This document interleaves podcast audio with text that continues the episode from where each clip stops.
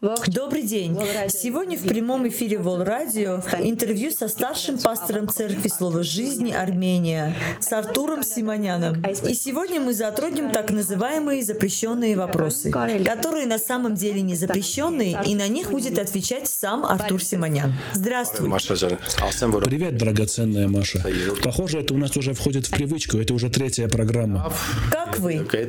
Я замечательно, но похоже, я успел соскучиться. И я тоже. Сегодня я подготовила очень интересные вопросы. И это темы, которые обсуждаются в основном за вашей спиной. Я решила спросить напрямую у вас. То есть про меня? Конечно, именно про вас сегодняшняя программа. Ну, ясно. Я думаю, какие-то скрытые темы. Будем говорить про путь, по которому вы прошли. Окей, начнем отвечать. Итак, реальность или миф? Если у вас тоже есть интересные вопросы, вы можете отправить в течение прямого эфира, и пастор Артур ответит на них. Есть такое мнение, что верующими становятся те люди, которые в основном рождены в семье верующих. Некоторые, конечно, уходят в мир, но бывает, как и в вашем случае. Вы выросли не в верующей семье и пользовались так называемыми благами мира сего. Но потом решили оставить все это и следовать за Богом. Я не родился в семье верующих. Даже наоборот, можно сказать, что меня воспитывали в атеистической семье. Потому что, например, мой дедушка всегда хвалился, что ни разу не ходил в церковь. Вот как я был воспитан. И для меня верующие это были темные люди.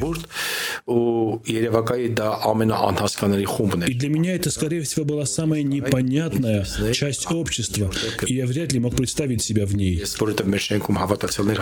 У нас в доме собирались верующие, так по домам пели.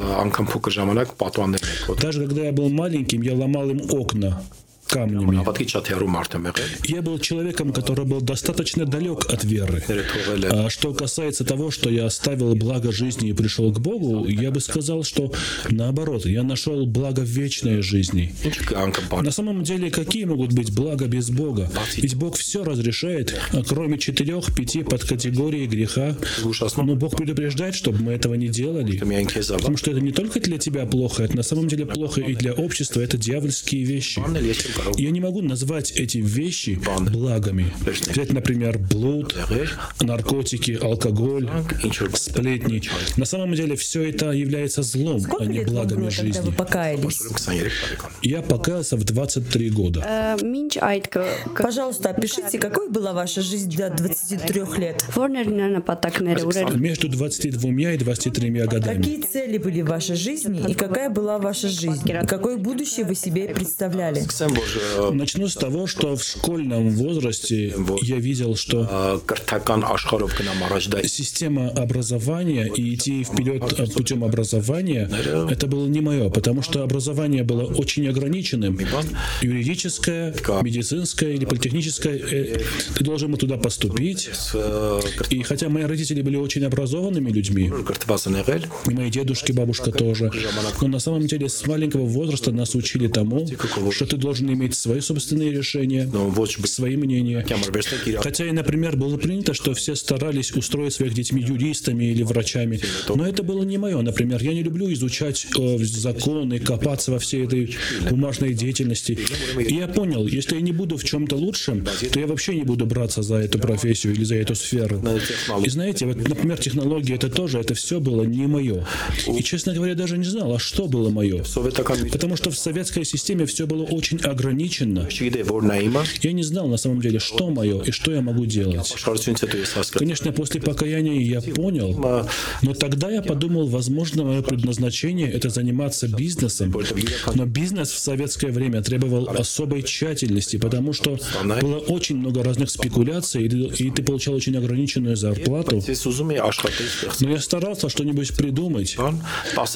А С 12 лет я работал. Я зарабатывал деньги. И знаете, вот я не был зависим от своих родителей. Я договорился с мотористами и сказал, платите мне по рублю, и я буду мыть после вас машины.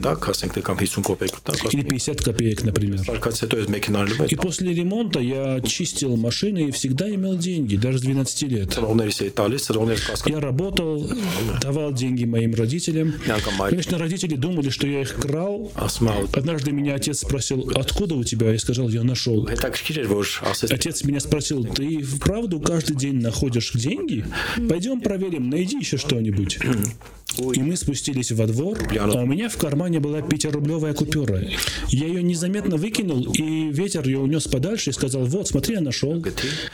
Также через некоторое время произошел случай. У нас гостили родственники, и они сказали, а ну-ка сейчас опустоши свои карманы и выйди, еще найди что-нибудь. Тогда мы жили в третьем массиве, и я вышел там, тщательно искал. Знаете, я нашел золотое кольцо.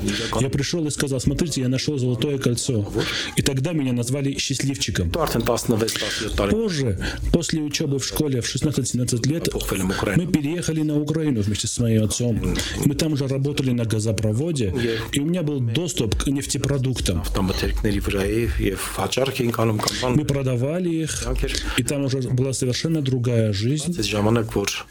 И тогда мне казалось, что мое призвание просто быть богачом. Но знаете, богатство — это замечательная вещь в руках правильного человека, но очень опасная в руках глупого юноши.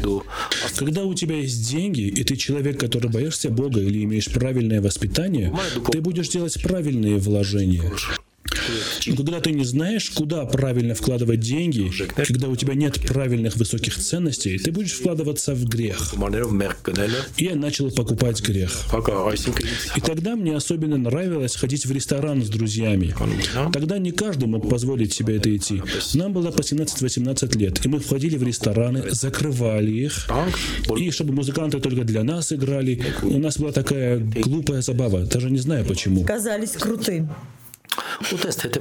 Я начал употреблять легкие наркотики пить алкоголь. Делать то, что некоторые называют благами жизни.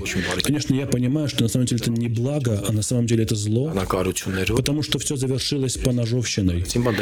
Мой друг ударил ножом моего другого друга. И знаете, не было в этом ничего хорошего. Поначалу ты вроде бы юноша, чистый, неоскверненный, но потом через мгновение ты открываешь глаза и понимаешь, что у тебя уже огромный опыт в употреблении наркотиков, наркотиков. Девочки, которые рядом с тобой, они уже испорчены, друзья твои наркоманы, и не осталось ничего чистого. А вся дружба построена только То есть вы были под действием наркотиков и не осознавали, что вы делали?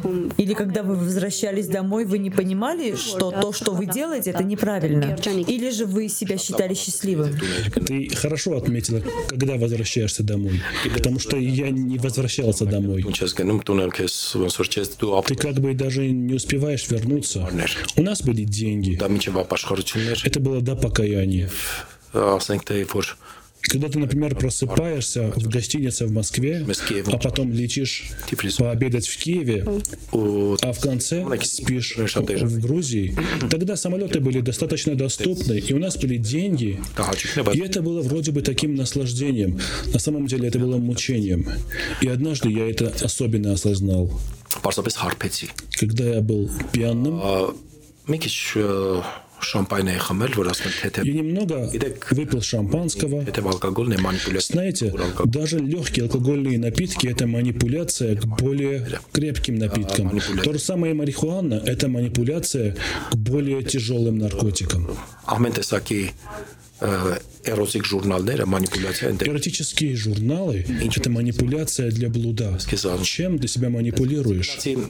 Итак, тогда мы выпили, были в гараже. Ребята собрались там, играли в карты. И там была еще водка. Я был в стельку пьяным. Я не понял, как я там заснул. Когда я проснулся, я лежал в покрышке, и рядом были крысы. И вдруг я увидел что мое будущее будет таким. Я испугался стать алкоголиком. Я испугался остального. Когда мои друзья начали колоться, потому что марихуана уже их не удовлетворяла, я страшно начал бояться колоться, потому что как бы Бог меня держал в этом. Я не пошел в сторону более тяжелых наркотиков. Я принимал таблетки, но не кололся никогда. И в этот день я как бы очнулся, я понял, что же я делаю. Мне был 21 год, и я пришел в себя. В этот день начались мои поиски. И у меня появился вопрос, зачем я вообще родился? Для того, чтобы умереть? Как к вам относилась ваша семья? Например, я знаю даже верующие семьи, в которых есть проблемы с наркотиками, потому что дети любят входить в запретные зоны. Как тогда поступать с ребенком? Как ко мне относилась семья, они меня и не видели. Потому что я был таким, что я работаю, у меня заграничная работа, они меня не видели. А потом я играл в очень хорошего сына, я играл мою роль, как будто все хорошо, я чистый. Ну, конечно, во мне были и хорошие черты. Не все было так плохо. Но не знаю, почему, когда ты попадаешь под чужое влияние, сначала ты делаешь это, потому что все это делают, а потом ты это делаешь, чтобы другие не подумали, что ты этого не делаешь. И тогда ты понимаешь, как ты сильно зависишь от толпы, какой ты на самом деле человек. Ты, конечно, более позже осознаешь все это ты стараешься не быть белой вороной, так сказать. Потому что, например, все в чем-то, если ты не делаешь этого, то ты кажешься другим. То есть общество мирское было таким, они старались принять тебя таким, какие они есть. Если ты чище в чем-то, ты начинаешь их раздражать. И они начинают говорить, ты что думаешь, что ты святош, а ты лучше, чем мы, что ли? Они пытаются видеть тебя такими, какие они, в том же, в чем и они. И знаешь, а, в обществе извращенных людей ты не можешь быть святым, потому что ты их будешь раздражать. Ты не можешь интегрироваться в их общество. И остается только делать то же самое, что и они, чтобы не отделяться от них. И потом ты становишься зависим от этих плохих привычек. Обычно люди, имеющие вредные привычки, утверждают, что в любой момент могут бросить. Понимаете, чтобы что-то оставить, ты должен встретить что-нибудь большее, чем это. Чтобы оставить это, надо встретить что-то большее. Если, например, у меня есть машина, я могу, я тоже могу сказать, я могу забросить водить эту машину. Но тогда я должен найти более хороший способ, чтобы заменить машину этим способом.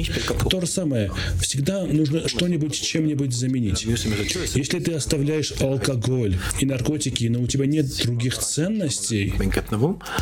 Взять, например, я пару дней назад был э, в гостях у одного человека. Мирские люди пригласили меня с ними пообщаться, поговорить. И меня спросили, когда все это закончится, когда этот карантин закончится. Я спросил, ну представьте, что, например, никогда это не закончится. Представь, что жизнь изменилась. И что? И они сказали, лучше мы умрем. Я спросил, вы реально хотите умереть? Они говорят, да, ведь это ведь безумие. То есть у них не было других никаких целей. Но у христианского мира есть цель, потому что они видят жизнь в перспективе вечности, а люди думают временными категориями. То есть надо поменять временные ценности, например, наркотики с вечными ценностями, например, с любовью Божией. Любовь мира я поменял с любовью Божией. Я поменял с церковью. Бог благословил меня хорошими друзьями. Если раньше у меня было 5-6 друзей, то сейчас у меня друзья по всему миру. И Бог не запрещает меня идти куда-нибудь пойти, выпить чашечку кофе. Но Бог, например, запрещает нам сплетничать. Конечно, мы можем собраться на Северном проспекте, сесть и выпить кофе. Но мы тогда не сплетничаем. Мы не обсуждаем чужих жен, чужих мужей. Не поливаем грязью кого-нибудь. Но мы говорим о светлых сторонах жизни. Вот в чем разница. Если, например, ты говоришь человеку, не сплетничай, а что ты даешь максимум взамен. Что ему делать? Сегодня изменение системы ценностей происходит с помощью замены. Надо заменять что-либо чем-то. Как бы по телевизору не старались пропагандировать абстрактные нравственные ценности, национальные ценности. Я хочу спросить, а что такое национальная ценность в семье? Покажите мне модель армянской семьи. Как, например, в произведении Туманяна, когда маленькую девочку обручили со взрослым пастухом. Или известная армянская цитата, что меч, который убил неверную мать, убьет и неверного отца. И каждый по-своему представляет модель армянской семьи. То есть жена на кухне, а муж на кресле. Но нет модели армянской семьи. Есть модель божественной семьи, библейской семьи, которая рождается в Библии. Это был очень интересный ответ. Этим вопросом я тоже очень часто задавалась, отбирая у людей то, что их радует. Что мы даем им взамен? Когда вы в первый раз покаялись, расскажите, пожалуйста, эту историю. Извините, не только в первый, но и в последний. Когда вы покаялись, то есть когда Бог открылся в вашей жизни, через кого вы покаялись? Я задам сразу несколько вопросов, потому что вы потом долго будете на них отвечать. Через кого вы покаялись? Что вы пережили в этот момент? Какие эмоции вы переживали в этот момент? И как вы потом рассказали это своим друзьям? Да, последний вопрос был интереснее, чем первый. Я знаю. Начну с того, что у меня были хорошие друзья. Это супер для Потом супер хорошие друзья и родные друзья. У меня было три вида друзей. Хорошие друзья те, с которыми ты иногда виделся, и были супер друзья, с которыми мы постоянно видели, день и ночь проводили вместе. И однажды во время, так сказать, очередной сессии мирских наслаждений, когда мы были пьяны, один мой друг ударил ножом другого. Мы были не в Армении, и это было из-за одной распутной женщины. Не знаю, почему они поспорили. И один ударил ножом другого и убежал. Конечно, эта женщина тоже убежала. И я остался один на один с моим раненым другом. Представьте, стол накрыт, алкоголь разлит, и я рядом с моим другом, у которого кишки наружу. Я взял его кишки в руки. И знаете, вот осязательная память, она намного сильнее. Я до сих пор помню, как у меня в руках остывали его кишки. Конечно, всю ночь его оперировали, мы отвезли его в больницу, больницу. Конечно, после подобной операции он стал получеловеком. Большую часть его кишок вырезали. И, конечно, я потом вышел, потом оказался в милиции. Меня допрашивали, потому что я привез его в больницу. Я не мог сказать, что его ударили ножом. Я сказал, что он упал на арматуру. И вот во всей этой лжи я опять задал вопрос, почему я вообще родился. Понимаешь, ты очень многое понимаешь в больнице. Потому что я наверное, 4-5 дней был рядом с моим другом. Целый день курил и... И жизнь потеряла смысл. У тебя было много денег в кармане, но они больше тебе были не нужны. У тебя есть машина, но она тебе не нужна. Ты не хочешь больше идти в рестораны, у тебя есть деньги, но они тебе больше не нужны. И ты приходишь к осознанию суетности жизни. Конечно, я не сравниваю себя с царем Соломоном, но он тоже был на пике жизни, и он сказал, что все это суета, как он говорит в книге Екклесиаста.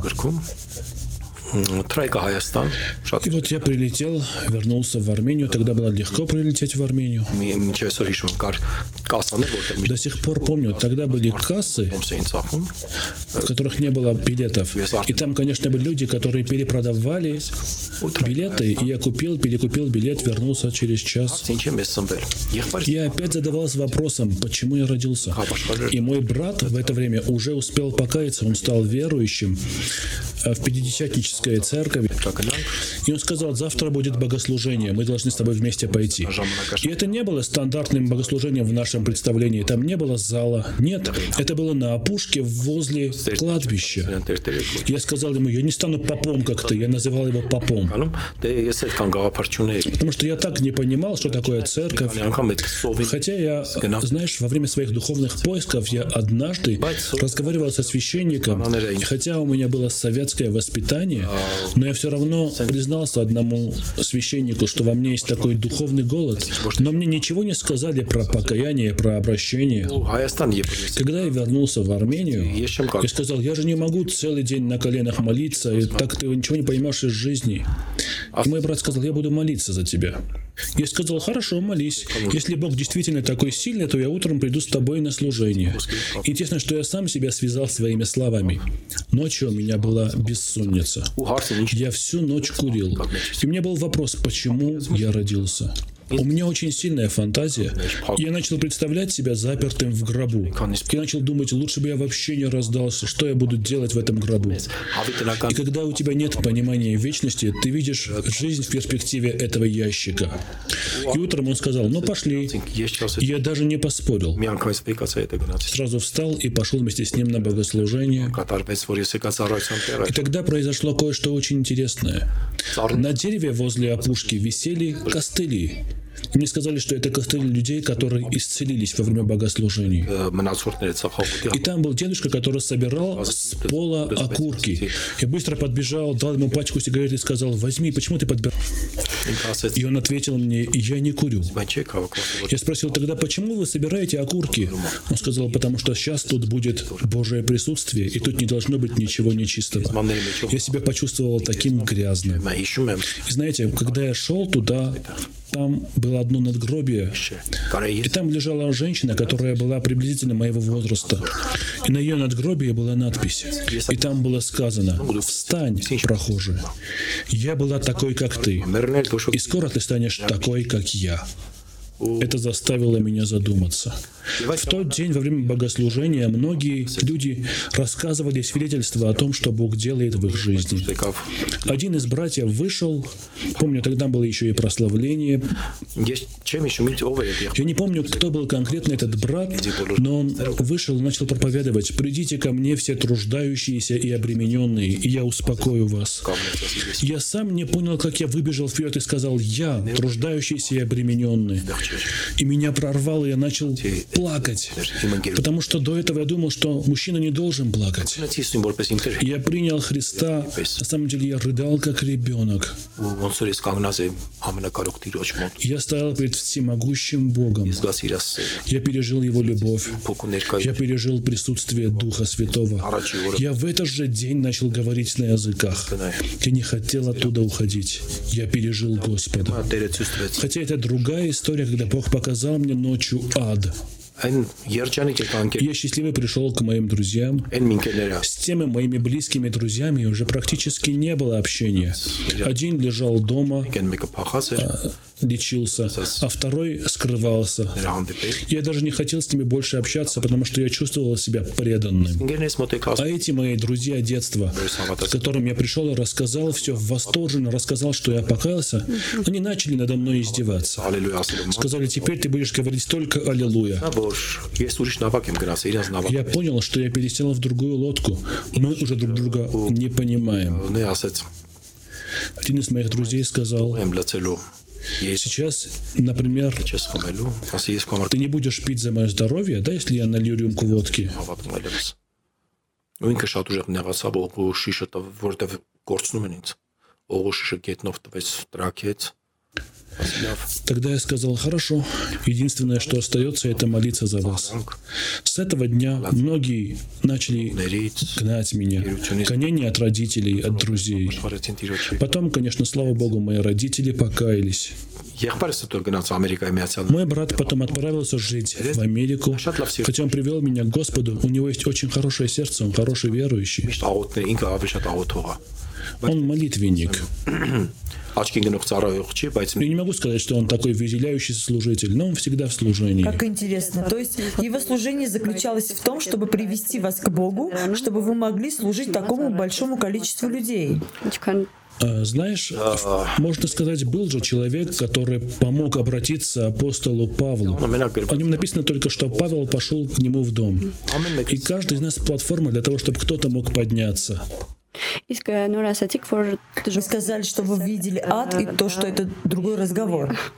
Знаешь, э, есть такое интересное явление, когда я пришел домой с этого богослужения, когда ты переживаешь Божье присутствие, это состояние, оно уходит через некоторое время. И когда это переживание уходит, сразу пришел дьявол. Дьявол никогда не подходит к человеку, когда тот переживает Божье присутствие. Помнишь, когда в Едемском саду Адам вечера проводил с Творцом? Тогда не было дьявола. Но знаешь, иногда Бог оставляет нас в Едемском саду без своего присутствия. То есть, конечно, присутствие оно есть, но мы его не переживаем. именно в такое время может подойти дьявол. Знаешь, выражаясь образно, есть время вечерной прогулки с Господом в Едемском саду, а есть остальное время. Это похоже на то, что влюбленные могут вместе гулять, а потом парень может проводить девушку домой, и каждый идут по своим домам. Знаешь, легко общаться во время прогулки, легко обмениваться мыслями.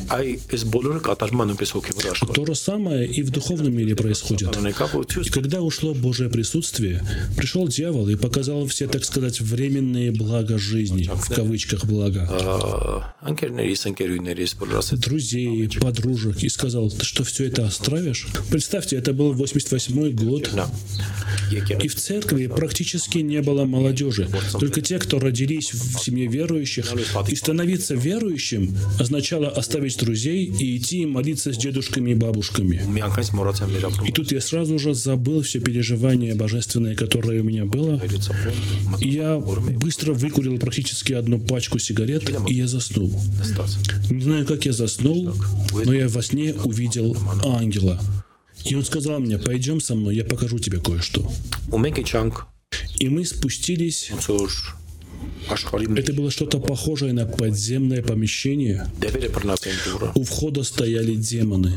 Я понял, что это был ад. Когда мы с ангелом вошли внутрь, это, это был сон. Я не умер клинически, это я все видел во сне.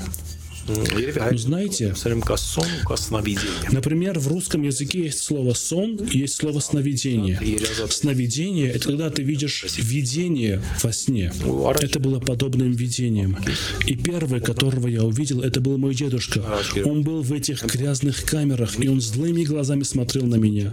Это был тот дедушка, который говорил, что я ни разу в жизни не ходил в церковь, я коммунист. И он не смотрел на меня, как на внука. В его глазах не было любви, там был страх, безнадежность. Там вообще не было надежды, там не было завтра. Там было темно и сыро, и там было осязаемое дьявольское присутствие. Вот у вас было переживание, будто бы кто-то за тобой есть в пустой комнате. Вот это вот ощущение, оно постоянно преследовало тебя там. Все хорошее, что ты бы хотел помнить, ты там забываешь. А все плохое, что ты хотел бы забыть, ты вспоминаешь. И люди каждую секунду переживали свою смерть. Кто как умер, эти мучения постоянно, постоянно происходили с ними. И там ты как бы слышишь насмешки дьявольские, потому что он ненавидит человека. Я увидел там комнату битком набитую молодыми людьми. Э, И когда ангел сказал, что уже пора выходить, я кое-что понимал, что если бы они в мире приняли бы Христа, они бы не оказались там. Когда мы выходили, демоны, стоящие у двери с жадными глазами, смотрели на меня. И когда мы вышли, ангел сказал, посмотри назад. И он сказал, если ты еще раз тут окажешься, больше никогда отсюда не выйдешь. И потом я проснулся в холодном поту. В эту ночь, в ночь моего покаяния, я сломал все сигареты и сжег все мосты в мир до сих пор. И знаете, время от времени мы должны опять анализировать и сжигать все мосты, которые ведут нас в мир. Это был более чем исчерпывающий ответ, пастор, потому что вы рассказали очень интересную историю.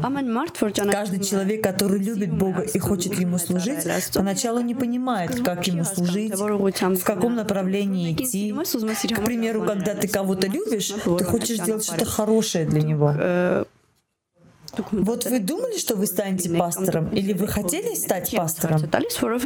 Почему я это спрашиваю? Потому что это как болезнь. Сейчас все хотят стать пасторами. Они не понимают, чего они хотят. Я никогда не планировал быть пастором и не мечтал об этом.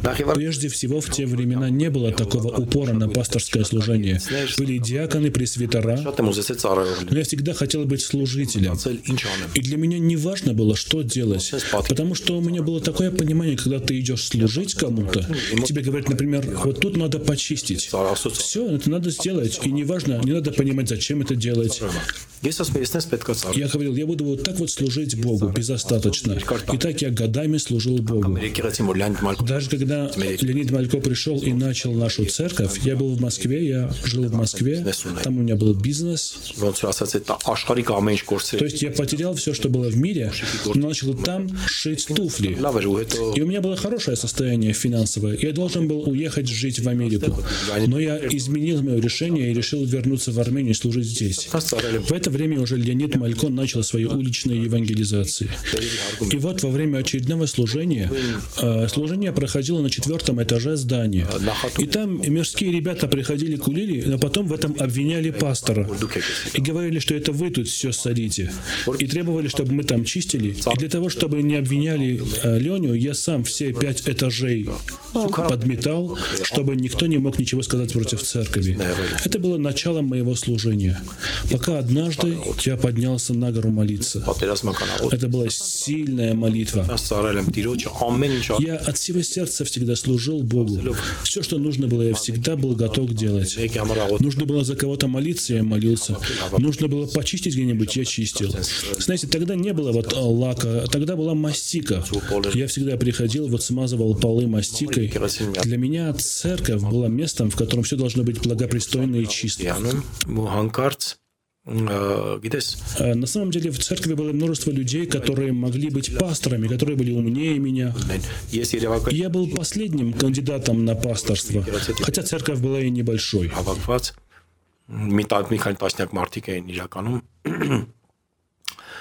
И вот на горе была такая воинственная молитва.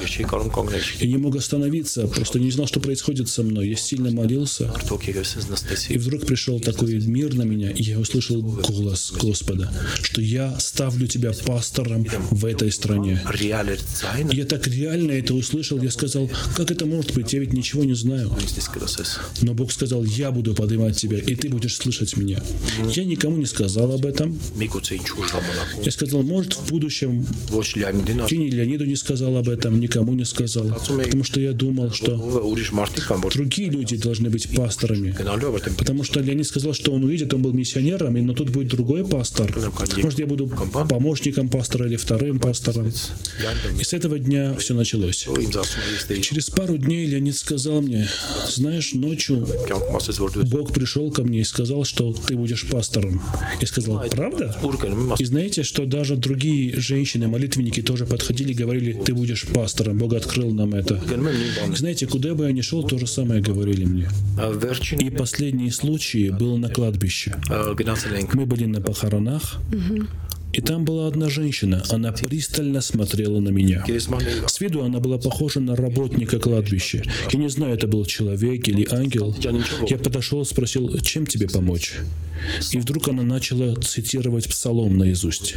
«Господь, пастырь мой, я ни в чем не буду нуждаться». Я спросил, «Вы верующая?» Она ответила, «Не важно, кто я. Важно то, что ты знаешь, что ты будешь пастором в Армении. И ты очень многих обратишь к Господу». После этого я много раз пытался найти эту женщину и ни разу ее больше не видел. И это было сверхъестественно. Это очень круто. А сейчас хочу рассказать вам про вас одну очень интересную историю в качестве свидетельства. Я была маленькой девочкой, и тогда еще церковные служения проходили в церкви Бангладеша. И мы в театральном служении поставили сценку. Мы рисовали образ Христа красками. И когда все завершилось, все разошлись по домам. Но мои родители задерживались, и я осталась их ждать. Я вернулась в зал и увидела, как вы на сцене чистите следы краски. И потом, когда я пошла домой, я начала плакать из-за этого. Потому что все видят пастора Артура проповедующего. Что должно было случиться, чтобы вы сами начали чистить эту краску? Вы, скорее всего, не помните этот случай. Нет, вопрос в том, что я так живу. Знаете, многие думают про меня, что я какой-то особенный такой человек сцены. Но знаешь, неважно, я на сцене или я вне сцены, я просто человек. Иногда ко мне подходят и исправляют, говорят, ты это слово не так произнес, тут не то слово использовал. Но понимаете, я немощный человек, я не преподаватель армянского языка. Но Бог меня использует. Бывает, что я захожу в церковный туалет и чищу его, потому что я понимаю, что если не буду делать я, то наши женщины-уборщицы должны это делать. Я беру и чищу. Было, что я все кабины просто чистил. Закрыл дверь и просто чистил все кабины. Знаете, многие наши служители вот именно такие. Мои погоны, они не падают. Многие боятся, что их погоны упадут. Но если у тебя нет погонов, что может упасть? Хороший ответ. Нечему падать. У меня нет погонов, поэтому и нечего бояться. Просто замечательно. Пусть боятся те, у кого есть погоны. Я бы хотела услышать историю, какой была ваша первая евангелизация. Потому что я знаю, что вы начали с того, что проповедовали на улицах. Кстати, первая евангелизация в моей жизни мы были вместе с братом Оником. Мы вместе работали. Сейчас наша Жасмин в своей программе «Чай Жасмин» посвятила этому событию целую программу. Это было на Арбате. В Москве, на улице Арбат. И знаете, братья во многом а, гнали меня и не принимали меня. Потом просто сказали, мы не хотим тебя больше слышать. Я, конечно, был очень обижен. Мы вышли э, гулять по Арбату, это были 90-е годы. Была перестройка. И люди просто на улицах проводили какие-то агитационные речи. Я подумал, если они агитируют, почему бы нам не проповедовать Евангелие? Там была группа верующих, и мы к ним подсоединились и начали проповедовать. Очень много людей покаялись. Понимаете, я родился не на сцене, я родился на улице, и до сих пор я проповедую и на улице, и в транспорте. Было время, я помню, был 26-й автобус, особенно жители массива хорошо вспомнят. И там у водителей были громкоговорители. Я брал эти громкоговорители и проповедовал. Мы пели в транспортах, пока мы доходили до массива из центра города.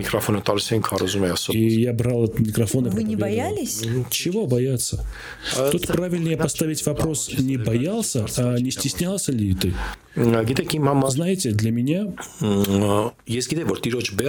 я знал, что я должен нести бремя Господа. Если я не буду нести бремя Господа, я буду нести какое-нибудь другое бремя. Поэтому я избрал бремя Господа. Слово Божие говорит, если ты не отречешься самого себя, ты не сможешь идти за Господом. Если ты заботишься о своей душе, ты не сможешь служить Господу. Но когда ты отрекаешься сам себя, вот это и называется самоотверженность, самоотреченность.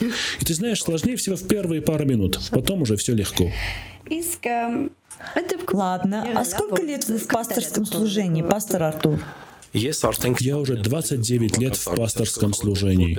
Как главный пастор 27 лет, как просто служитель пасторского служения 29 лет. Были ли случаи угроз расправы или запугивания?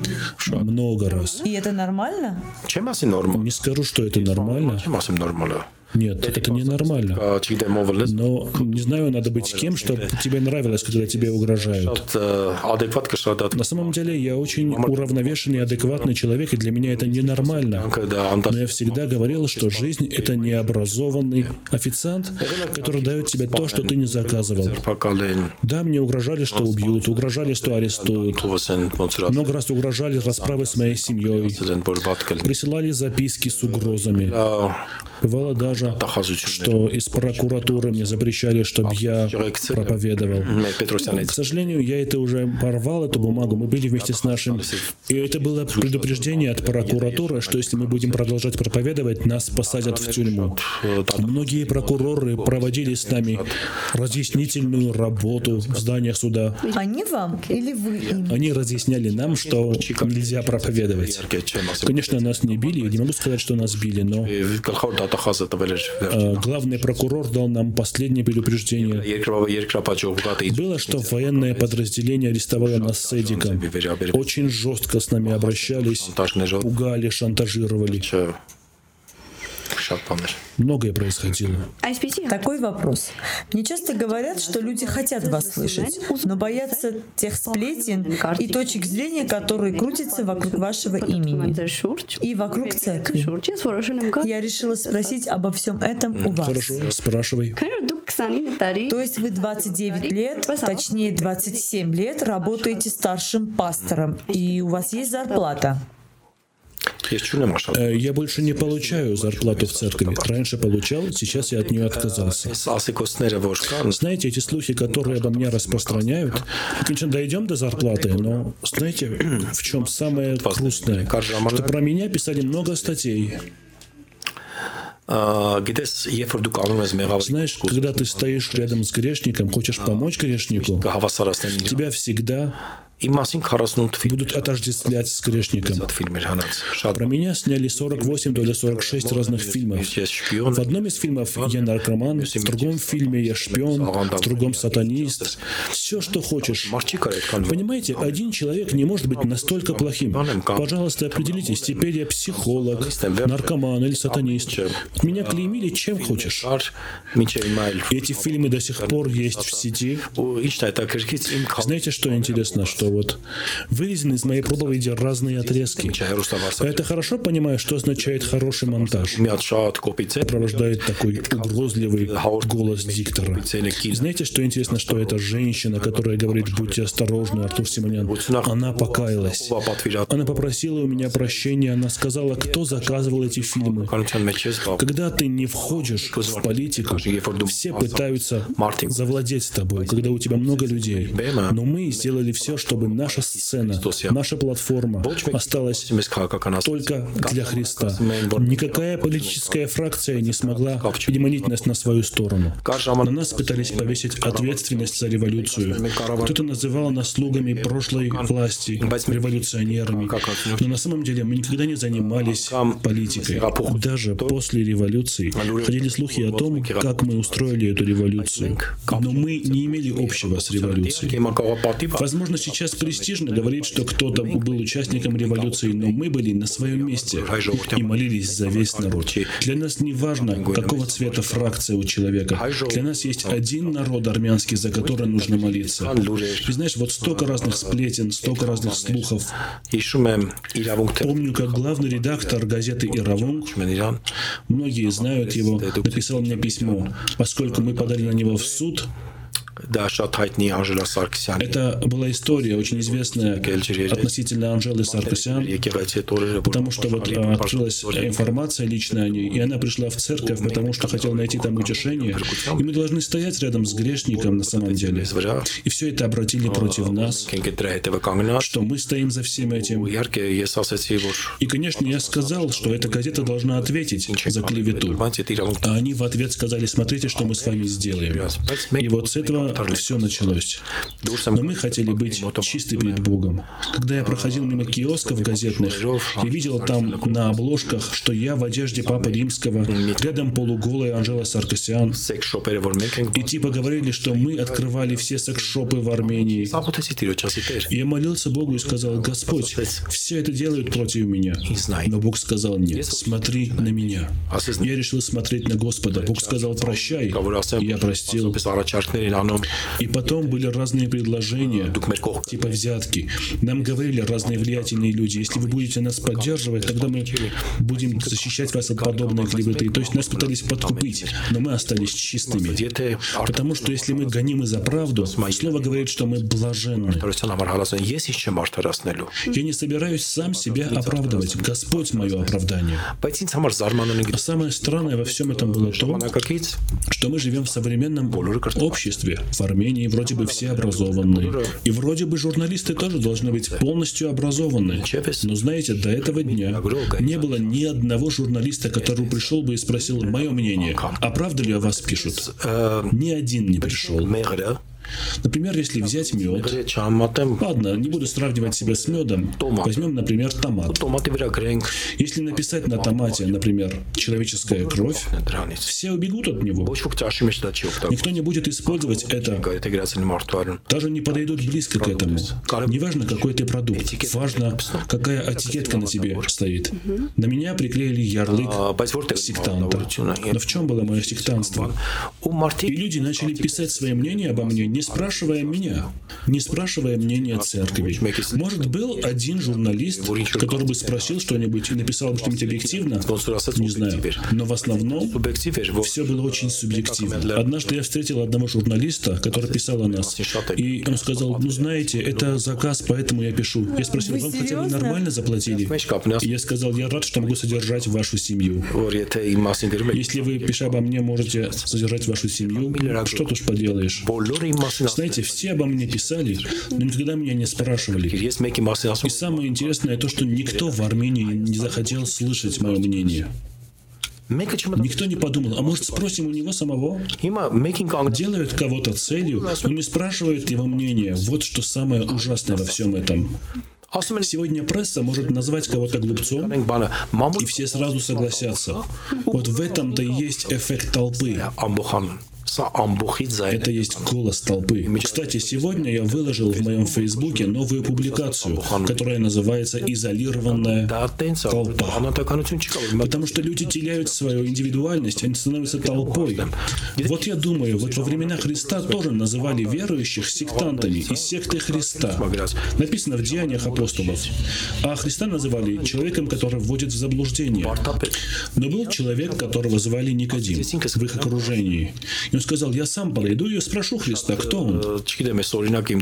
Мне очень нравится этот пример. Помните, был такой Синкевич в коммунистические времена. Он вел программу «Клуб путешественников». И он ходил по миру и потом рассказывал мир, какой мир. Когда вот уже разрушался Советский Союз, Хазанов сказал, «Да не хочу я смотреть мир глазами Синкевича, сам хочу идти и посмотреть». И понимаете, нам сегодня показывают мир глазами журналистов.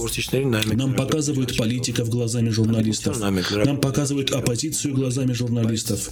Но Бог дал нам самим глаза. Мы должны научиться видеть.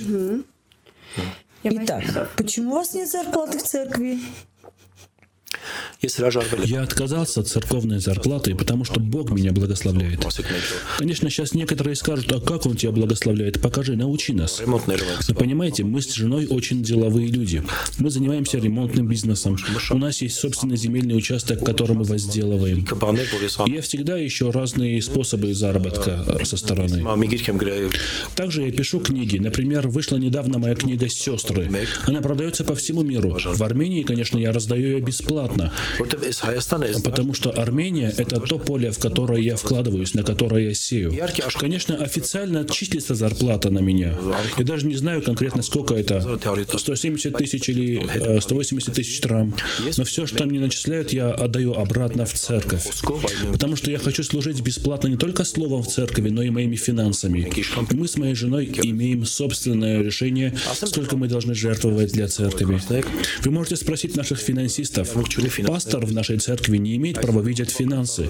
То есть пасторское служение никогда не видит финансы в наличном формате. Мы только делаем переводы и, в документационном виде. Все наши деньги идут в банк. И из банка идут переводы по необходимым нуждам. Я не знаю, сколько таких церквей, как мы, может, еще есть, но я не знаю. Но мы-то уникальная церковь, которая всегда открыта для проверки, для аудита. Мы даже платим аудиторам, чтобы нас... И, конечно, это вызывает у некоторых людей вопросы, как однажды писал один журналист. Они собирают деньги. Но понимаете, мы должны платить за коммунальные платы церкви. Мы должны платить работникам зарплату.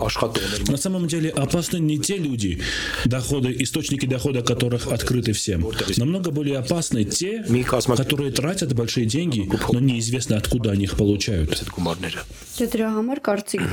И поэтому бытует мнение, что церковь спонсируется из-за границы, точнее из Америки. Это правда? Было бы неплохо. На самом деле. К сожалению, такого нет. Конечно, нам могут иногда начислять пожертвования члены нашей церкви, живущие в Америке.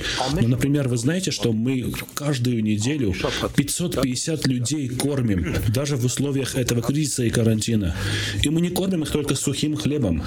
Мы снабжаем их яйцами, тушенками, сгущенкой. И люди, и, конечно, в Штатах тоже есть люди, которые помогают нам в этом, посылают 50 долларов или 100 долларов.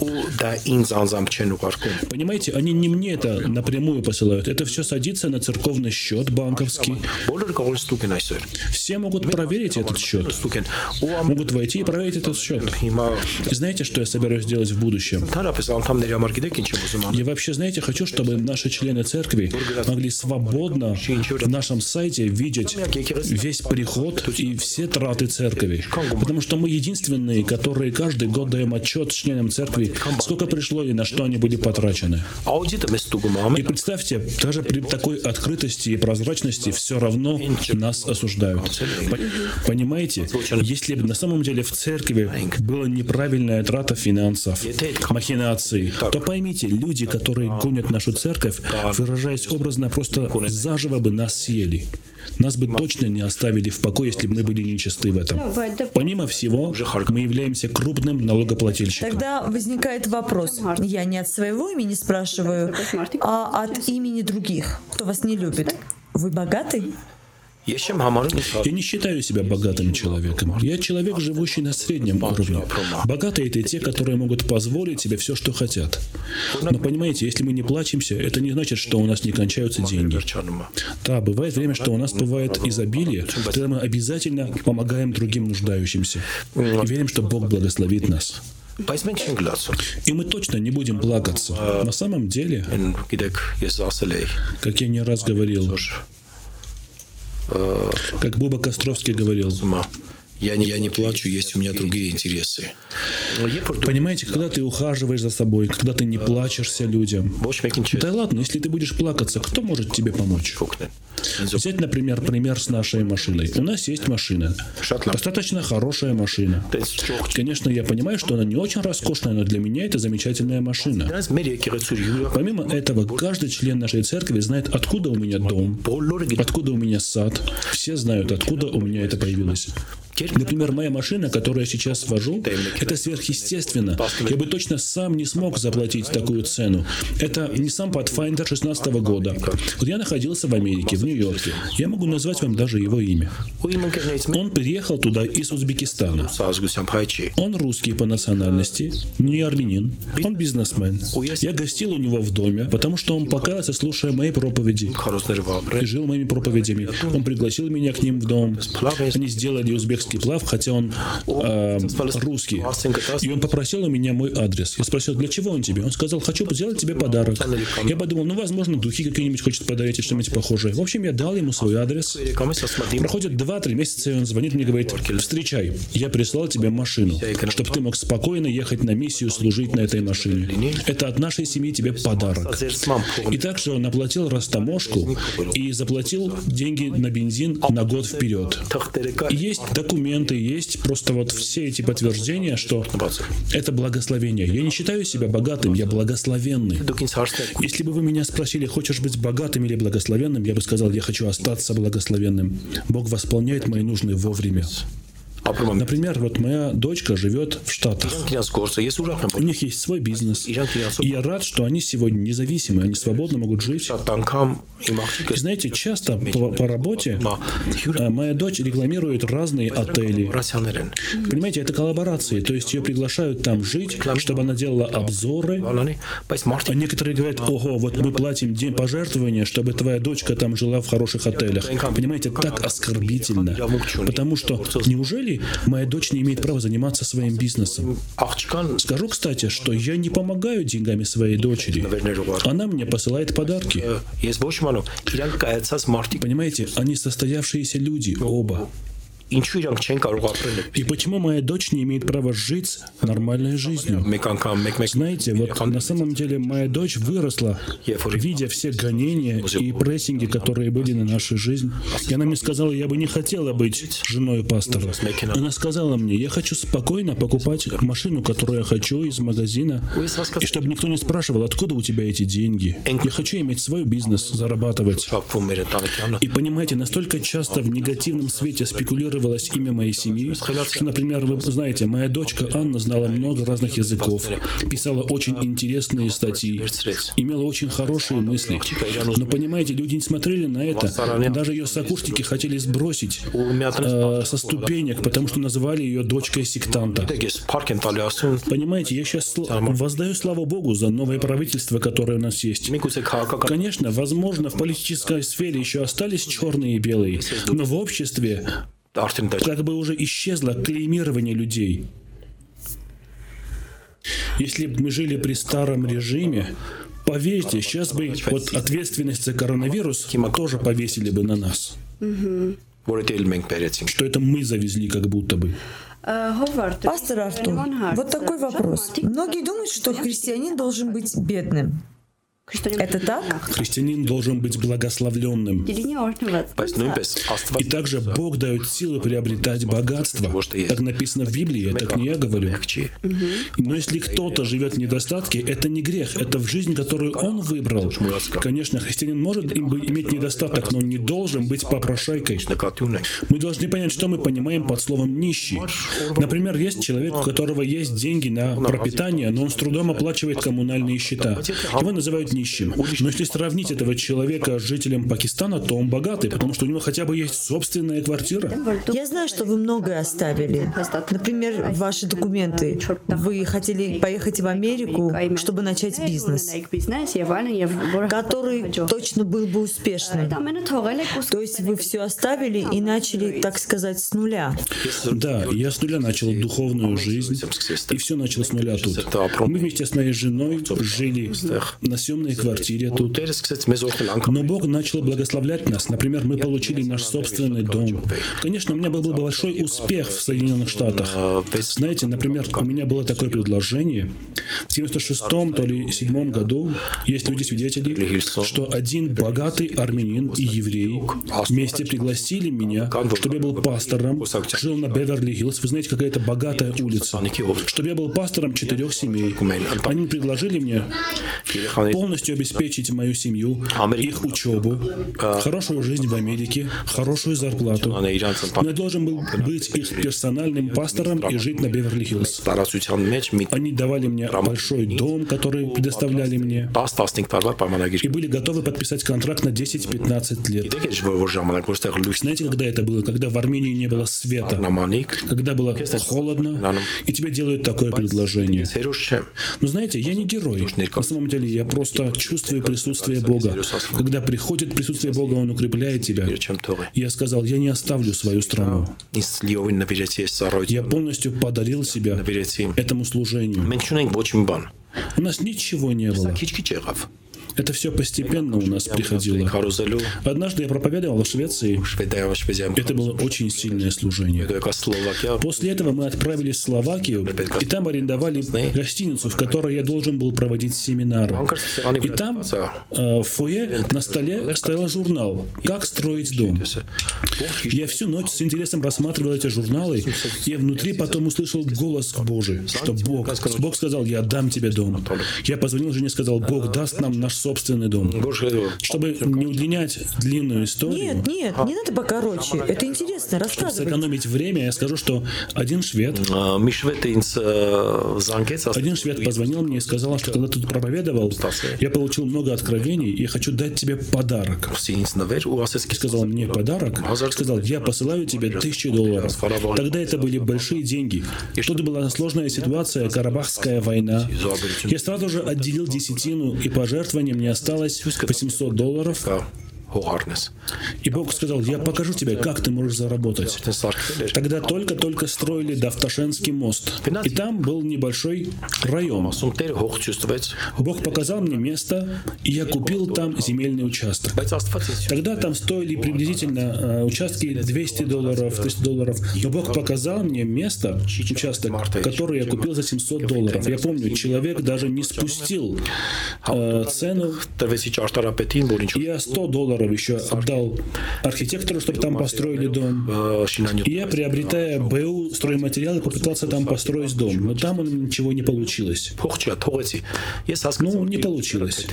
Я понял, что бремя от Господа, оно должно быть легким. И знаете, например, вот это вот место, в котором мы сейчас проводим павильон, эти комнаты, зала, в котором мы проводим эфир, понимаете, тут тогда этого не было. И просто заливал нас дождь, и все заливалось водой. Я вышел и молился где-то два часа, бродил по улице и молился. Ходил и молился, и просто говорил, Господь, дай мне, пожалуйста, мою часть. И в Библии написано, что женщина подошла и сказала, дай мне мою часть. Когда Иисус сказал, нехорошо отбирать от детей и давать псам. Но женщина сказала, если я пес, то дай мне мою собачью часть. Если для собак была часть, неужели для твоих детей не будет э, части? Дай нам, пожалуйста, крышу, мы нуждаемся. Но Бог сказал мне, ты сам построй крышу. И потом я вспомнил, что у меня есть этот земельный участок. Я продал его за 95 тысяч долларов. 45 тысяч долларов мы вложили в крышу. На другие 9 тысяч долларов мы купили земельный участок, на котором сейчас находится наш дом. Мы построили там одноэтажный дом, обустроили сад. И тогда это все было очень дешево, строительство. Сейчас, разумеется, это намного дороже стоит.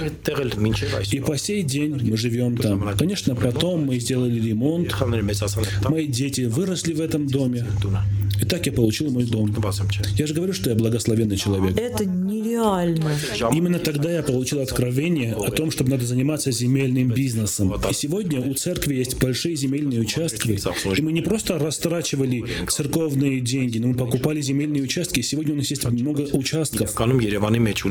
И в Ереване у нас есть большое здание. И на самом деле это не просто так. Знаете, я пошел в деревни и села, чтобы купить э, земельные участки для посева. И это была уже другая часть моего бизнеса, которая начала тоже развиваться. То есть Бог показал вам просто земельный участок? И знаете, что интересно? Что когда я делился этим с людьми, люди, у которых было намного больше денег, у меня было 800 долларов, у них было 5-6 тысяч долларов. Они покупали уже использованный, подержанный автомобиль. Я говорил, нет, вкладывайтесь в земельные участки. Если бы они меня бы слышали, они бы остались с большой выгодой, потому что потом эти участки начали стоить до 150 тысяч долларов, потому что почти все уже участки были распроданы. Если бы меня послушались бы, сейчас они могли бы быть бы миллионерами. Часто Бог дает людям шанс, но они не распознают голос Божий. Как интересно. То есть вы служитель на полное время, и Бог о вас. Вы сказали, что вы с пастором Лусине имеете решение о том, какой будет ваша десятина и пожертвование. Конечно, мы даем намного больше десятины. Ага. Тогда вот такой вопрос. Хотя вы уже ответили на этот вопрос. Зачем церковь собирает деньги и куда идут эти финансы? И слово тоже говорит, что... Тогда пусть они заодно и спрашивают, почему вы используете электроэнергию, почему вы обогреваете зимой зал, почему вы э, красиво обустраиваете здание церкви. Понимаете, у нас, например, в каждой кабине церковного туалета есть индивидуальная персональная вентиляция чтобы не было неприятного запаха. Понимаете, кончилось время, в котором имя Божие было попираемо из-за подобных вещей. Однажды работники американского посольства пришли к нам в церковь. Они были работниками по религиозной части. И они говорят, я чувствую себя как в Америке. И знаете, это было приятно. А почему армяне не должны чувствовать себя как американцы?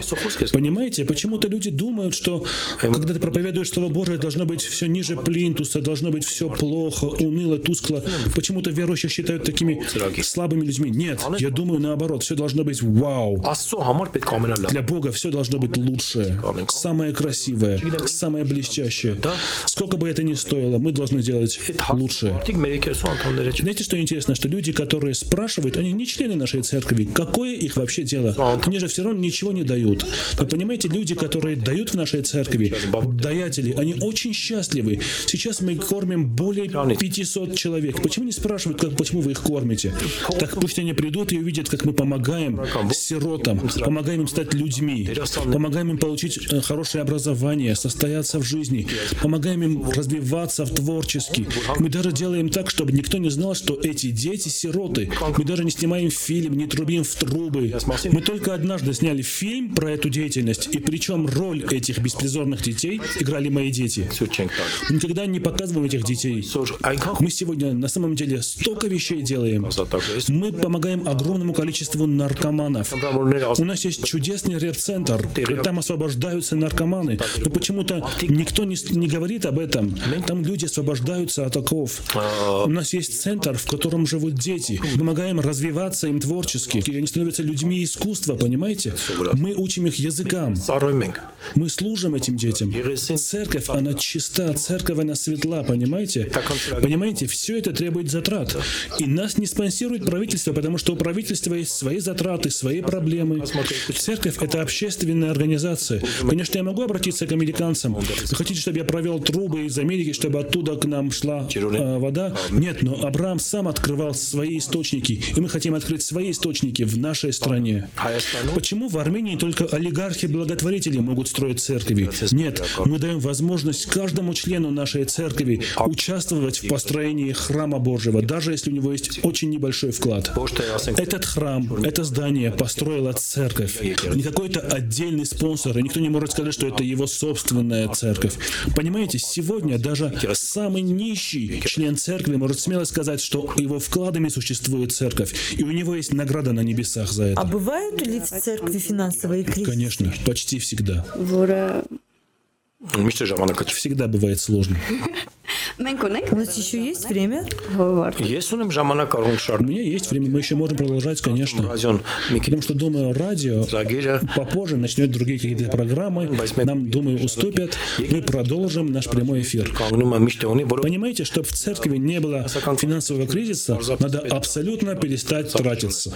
Но понимаете, у нас во все сферы уходят финансы. У нас есть как благотворительность, так еще миссионерство. У нас есть огромное количество миссионеров в разных странах, они проповедуют Евангелие, есть евангелизационные программы. Все это требует денег. И Слово Божие говорит, что за все отвечает серебро. Знаете, однажды мне написали такое длинное письмо, такую простыню расписанную. И меня спрашивали, что вы делаете с финансами?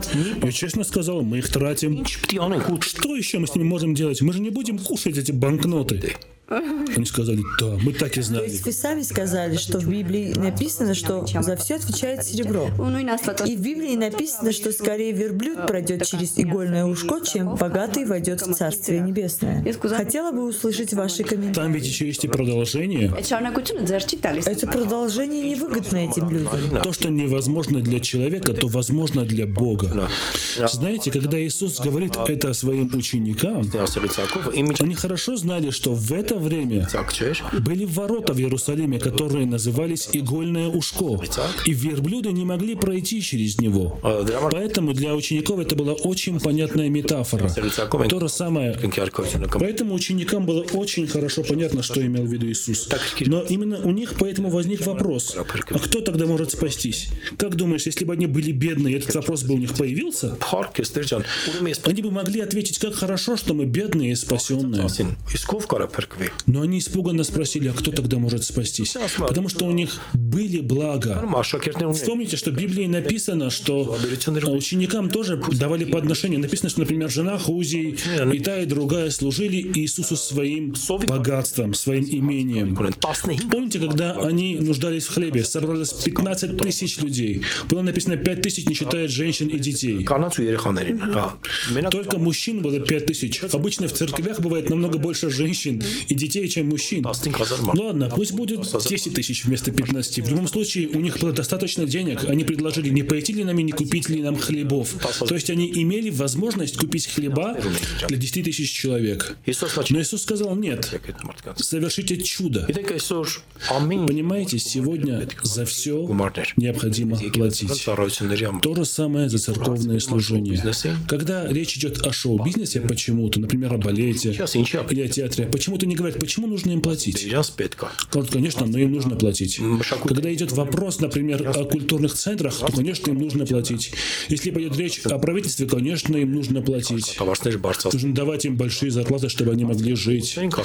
Но почему-то, когда дело доходит до церкви, сразу же говорят, о, им не нужно, пусть все будет бесплатно. Я думаю, это очень неправильный подход к людям. Кстати, скажу еще кое-что. Пока есть возможность, скажу, что наши улицы каждый день люди чистят. Уборщики чистят. Вот мне интересно, кому-либо из вас приходила и мысль вот прийти ночью или утром к этому человеку, остановиться и чем-нибудь благословить его? Понимаете, мы это делаем. Мы время от времени помогаем уборщикам, благословляем уборщиков, даем им финансовую поддержку. И понимаете, собирать финансы – это правильно. И у нас есть государственное право. Это наше конституционное право, что мы имеем имеем право собирать пожертвования. Мы не отмываем деньги, мы не сделаем махинации, понимаете? Когда мы собираем пожертвования, понимаете, не Артур Симонян идет и считает, нет, я не имею права входить туда. Финансовый комитет по подсчету пожертвований — это 10-15 человек, которые все вместе подписывают документ. Когда они проверяют, каждый может это проверить. И они фиксируют, сколько денег собралось. В понедельник наши финансы отправляются в банк. И оттуда уже идут распределения по необходимым инстанциям. То есть, понимаете, мы открыты, каждый может проверить наш финансовый приход. В этом году из-за этой пандемии мы не успели это сделать, но мы обязательно это организуем. Мы даем отчет членам нашей церкви, где тратятся наши деньги. Мы также платим аудиту, чтобы он нас проверял. Пастор Артур, следующий вопрос про десятину, потому что про десятину в основном написано в книге Малахии. Нет, в Новом Завете тоже есть упоминание. Да, в Матфее. И в Евреях написано. Есть такой вопрос в людях. Надеюсь, что вы на него ответите. Как правильно отделять десятину? Например, если у человека есть 100 тысяч трам зарплаты, он должен покрыть все свои расходы, потом отделить десятину? Или же отделить ее сразу же из всей суммы? Я кому Вы знаете, это результат личного взаимоотношения человека с Богом. Человек сам показывает свое отношение своим выбором. Мы в семье имеем такое воспитание, мы так воспитали наших детей, что мы даем десятину от всех приходов в нашей семье. Приведу такой пример. Например, я даю тебе банку меда и говорю, что 10% этого меда твои. Вот как бы ты относишься? Ты бы хотел, чтобы тебе отдали твои 10% или чтобы тебе отдали то, что внизу потом останется. Вот это отношение человека к Богу. Это был просто замечательный ответ. Я даже не ожидала такого. Ладно, такой вопрос. Помогает ли фактор того, что вы пастор, тому, чтобы вы жили свято? Конечно. Когда человек в служении, это заставляет его жить святой жизнью. Понимаете, когда, когда царь Давид вместо того, чтобы идти на войну, остался дома, он начал смотреть на чужих женщин. И знаешь, вот это очень похоже на гитару. Если ее постоянно играют, то она всегда должна быть настроена. Если она где-то в углу в доме заброшена, то она спокойно может расстроиться и быть не в строю. То же самое и пастор. Сегодня есть ответственность, и эта ответственность заставляет тебя быть святым, быть примером, жить правильно. Потому что я не просто отдельный человек, Артур, но я человек, пастор, Артур, я пример для людей. Я стараюсь ими сохранять все это. Если кто-то может, например, свободно грешить и потом покаяться, и это не будет видно в их жизни, но в моей жизни это обязательно будет видно. Потому что люди сегодня под лупой рассматривают мою жизнь, мои ошибки. Это похоже на цитату из армянской сказки Туманяна Захорт Понос, где герой говорит, что когда у всех капают крыши ничего, как у него крыша текла, так сразу же все трагедия. Служение всегда помогает человеку жить святой жизнью. Человек должен быть занятым делом Божьим. Если он не будет занят делом Божьим, он будет занят другими вещами. Э, было ли у вас желание оставить служение или не подниматься на сцену, чтобы проповедовать? И просили ли вы кого-то, чтобы заменили вас? Желание оставить служение как минимум раз в год меня посещает. Оставить служение. Потому что на самом деле давление очень велико. Все от тебя ожидают, все, все на тебя обижаются. Ты должен обеспечить все 30 служений. И все имеют финансовые нужды, духовные нужды. Они нуждаются во внимании. И потом на тебя обижаются, что ты не успеваешь всем достаточно времени уделять. И время от времени просто, просто и внутренние гонения, и внешние гонения. Люди иногда не понимают. И потом внешние всякие атаки, ты говоришь, а нужно ли разве не все это? И тогда иногда Бог молчит, но ты должен верно остаться в том, что Бог тебе уже открыл. Понимаешь, что пока некому передать все это, и ты не можешь оставить это все. Да, бывало, что я не хотел подниматься проповедовать. Я не знаю, я рассказал это во время прошлого эфира, когда мы разговаривали про Анну, когда я узнал новость про мою дочку. Я ехал на служение, Анна была в Германии, то есть она была уже проходила лечение в Германии. И знаете, даже это тоже стало темой нареканий, потому что говорили, там же очень дорогое лечение, как вы могли себе позволить, чтобы Анна лечилась в Германии? Но хорошо, что у меня есть хорошие друзья по всему миру, которые могли бы помочь мне. У меня есть хорошие друзья в Германии. И Анна там лечилась. Я иду на служение. И знаете, по дороге в церковь мне жена позвонила и сказала, что она только что вышла от врача. И врач сказал ей, что Анна больше не будет жить. Больше не дает надежды. Знаете, это была суббота. Понимаете, назвать эту новость холодным душем, это ничего не сказать. У меня была одна мысль, быстрее дойти до церкви, дать задание Баграту, чтобы он провел служение, а дальше я не знал, что я буду делать. И понимаете, это не весть о смерти, это весть о том, что скоро все это произойдет, и ты не знаешь, как все это произойти, как пройти через это.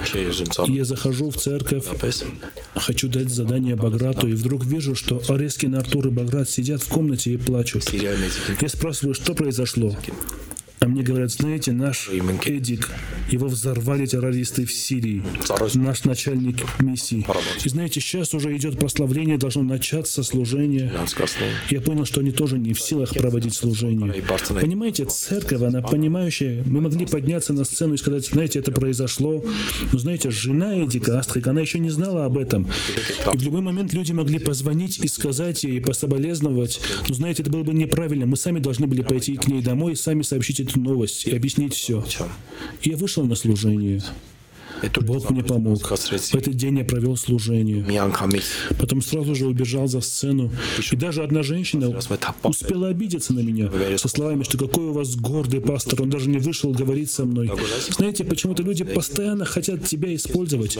Понимаете, после служения у нас стоят десятки пасторов, готовые ответить, служить людям, но они именно к тебе пытаются подойти. И даже, даже сегодня люди не хотят понять твою ситуацию, только хотят, чтобы ты имел время для них постоянно. И в эти дни меня особенно бомбили письмами. Я не был в силах ответить. И вдруг даже там было одно очень наглое письмо. Там было написано «Теперь мы узнали, кто вы на самом деле». Понимаете, в день более 50 человек у меня просят деньги. Просят финансовой поддержки. Кто-то обижается. Мне нужен аппарат. Но не понимают, а откуда? Откуда у меня столько денег? Я похож на производителя денег? Ты понимаешь, что люди не понимают. Я сел просто на лестницу и начал плакать. И сказал, Господь, что это такое? Как я мог проповедовать? Люди были радостные. И Бог сказал, это мое помазание, это моя благодать. Я даже решил найти эту проповедь. Верчи линматес депкирнюпес. Знаешь, бывают и такие случаи тоже. Как это интересно. И опять-таки Бог подтверждает, что это его сила, его помазание. Пастора тоже люди, и у них тоже бывают искушения гордости. Больше, чем другие. Было ли в вашей жизни, чтобы вы приписывали себе достижения и славу? Знаете, Бог своей славы не отдаст никому. Конечно, были подобные искушения. Люди просто подходили такие благодарные. И знаешь, когда ты духовно еще бываешь молод, бывают такие вещи. И люди приходят, благодарят тебя. Каждый служитель должен быть готов и к хвале, и к порицанию, потому что оба явления помогают тебе оставаться в духовной форме. Ты думаешь, как хорошо, что я вот такой, такой служитель. И тут Бог говорит тебе, спустись пониже, сядь пониже. И понимаешь, тогда ты понимаешь, кто ты на самом деле. Помните, когда ученики так заносчиво пришли и сказали, что вот мы проповедовали людям, помогали, изгоняли бесов. Кому они рассказывают? Тому, кто их послал все это делать? Это Иисус их послал, дал эту власть. Конечно, и у нас бывают такие проявления духовного младенчества. И знаете, вот в Библии после этого, когда они такие думали, что они все такие, Иисус сказал им, вы накормите этих людей. Они сказали, что не могут. Иисус сам сотворил чудо, и потом там еще в конце конце осталось 12 корзин, чтобы каждый взял по одной корзине, шел по пустыне и понимал, что он не такой же всесильный. Не думала об этом. Да, это мое мнение. Однажды был такой случай, у нас было служение исцеления, мы еще собирались в кинотеатре «Россия», это было очень давно. Каждый день было сильное исцеление, одержимые бесами людьми освобождались, люди исцелялись. Я однажды провозгласил, что вот у нас будет исцеление, люди будут подниматься с колясок. И пришли люди на коляске. Я взял одного за руки, просто потянул, и он встал, все начали, все начали а, хлопать, потом опять сел и больше не смог. Но родители и тому обрадовались, что он хотя бы раз встал, но я пришел домой очень разочарован и сказал, и сказал, Господь, почему ты меня так сильно опозорил? Я же не могу исцелять, ты исцеляешь. Ты, Дух Святой сказал, а ты бы хотел, чтобы ты сидел в зале и другой бы исцелил этого человека. И я понял, что нет, это я хотел это сделать. И я понял, что тут я думал не об исцелении, а я думал о славе. И это такая тонкая вещь. Я просто упал на землю и начал каяться, изменил мое сердце. Сейчас мне не важно, кто молится, главное, чтобы человек исцелился. И вот такие случаи открывают нам, кто мы на самом деле. Вау. Я не видела вас почти неделю, поэтому задаю слишком много вопросов. Вы сказали, что вы не любили учиться в школе. Нет, это не так. Не то, чтобы я не любил учился. Просто были некоторые предметы, которые были не моими. Но вы же не думали, что вы будете писать книги? Нет, конечно. То расскажу более. У меня есть дислекция. Тогда не было, а сейчас у меня есть эта болезнь. Знаете, это болезнь, когда у тебя пропадают буквы перед глазами. Знаете, даже когда проповедь происходит, иногда я могу неправильно прочитать слово из Библии, но мне помогает то, что я заучиваю наизусть места Писания. Как, например, меня мог учитель подозвать к доске, и понимаете, из-за дислекции я мог неправильно прочесть слова, написанные на доске. Например, там могло быть написано «черный медведь». Слово «черный» у меня могло перед глазами расплыться, я мог читать другое слово. И это, понимаете, дислекция — это такая болезнь. Или наоборот, например, когда я писал сочинение, мне ставили двойку, потому что мне казалось, что я написал эти буквы, на самом деле я их пропускал. Тебя ты иногда видишь буквы, иногда не видишь, поэтому мне всегда сложно было писать все эти вещи. Я всегда думал, что писать это не мое. Я буду очень далек от этого, чтобы писать, читать. Потому что я любил читать, конечно, читать художественные книги. Я очень любил всегда. Исторические книги тоже любил. И когда я пришел к Богу, я не знал, что Бог призовет меня писать книги, быть в учениях. Знаете, первую книгу, которую Бог сказал, чтобы я писал, вы не представляете, я сказал, как я и писать книги. И знаете, все написанные мои книги на самом деле не пылятся на полках. Большинство людей их постоянно читают, они имеют постоянный спрос. До, до сегодняшнего дня. Прямо сейчас я тоже работаю над еще одной книгой. Знаете, это слава Божия, это не я. Я-то хорошо знаю, кто я на самом деле. И скажите, пожалуйста, пару слов про вашу последнюю книгу. Я знаю, что она называется «Сестры».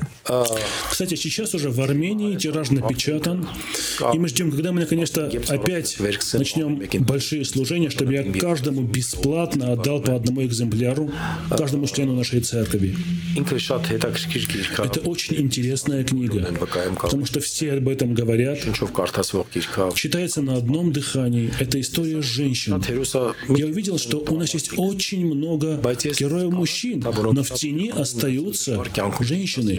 На самом деле есть женщины, которые героически жизнь прожили, платили большую цену и воспитали очень сильных, влиятельных детей. И просто я хочу поднять важность женщины в нашем обществе, в нашей жизни. Именно поэтому это называется книга «Сестры», потому что это сестры-герои. Читая эту книгу, вы можете поближе ознакомиться с этими героическими сестрами. Например, расскажу об одной из героинь этой книги. У нее было пять то ли шесть детей, и муж ее просто оставил и ушел к другой женщине. Она работала в колхозе в советское время.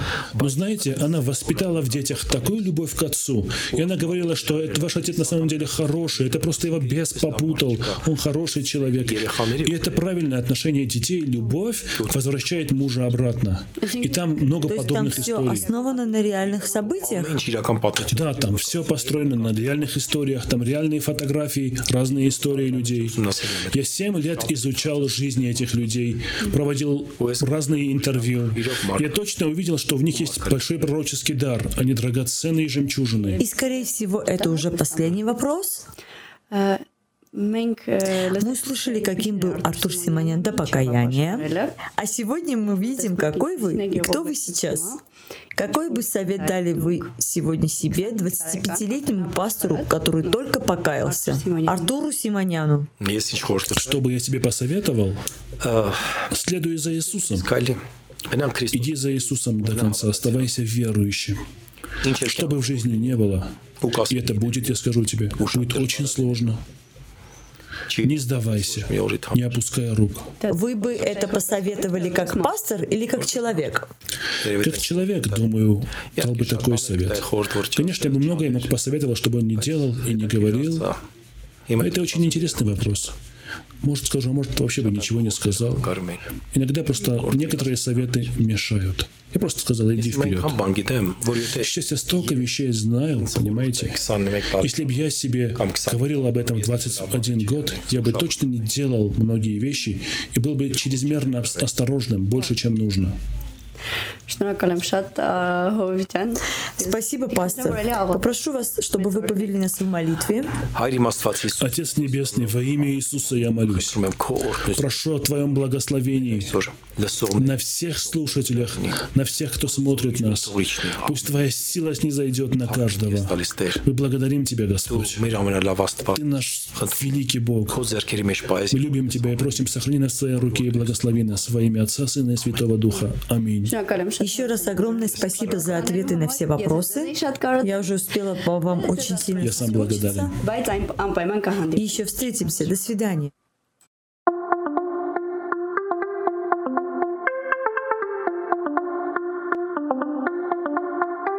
Представляем вам Радио.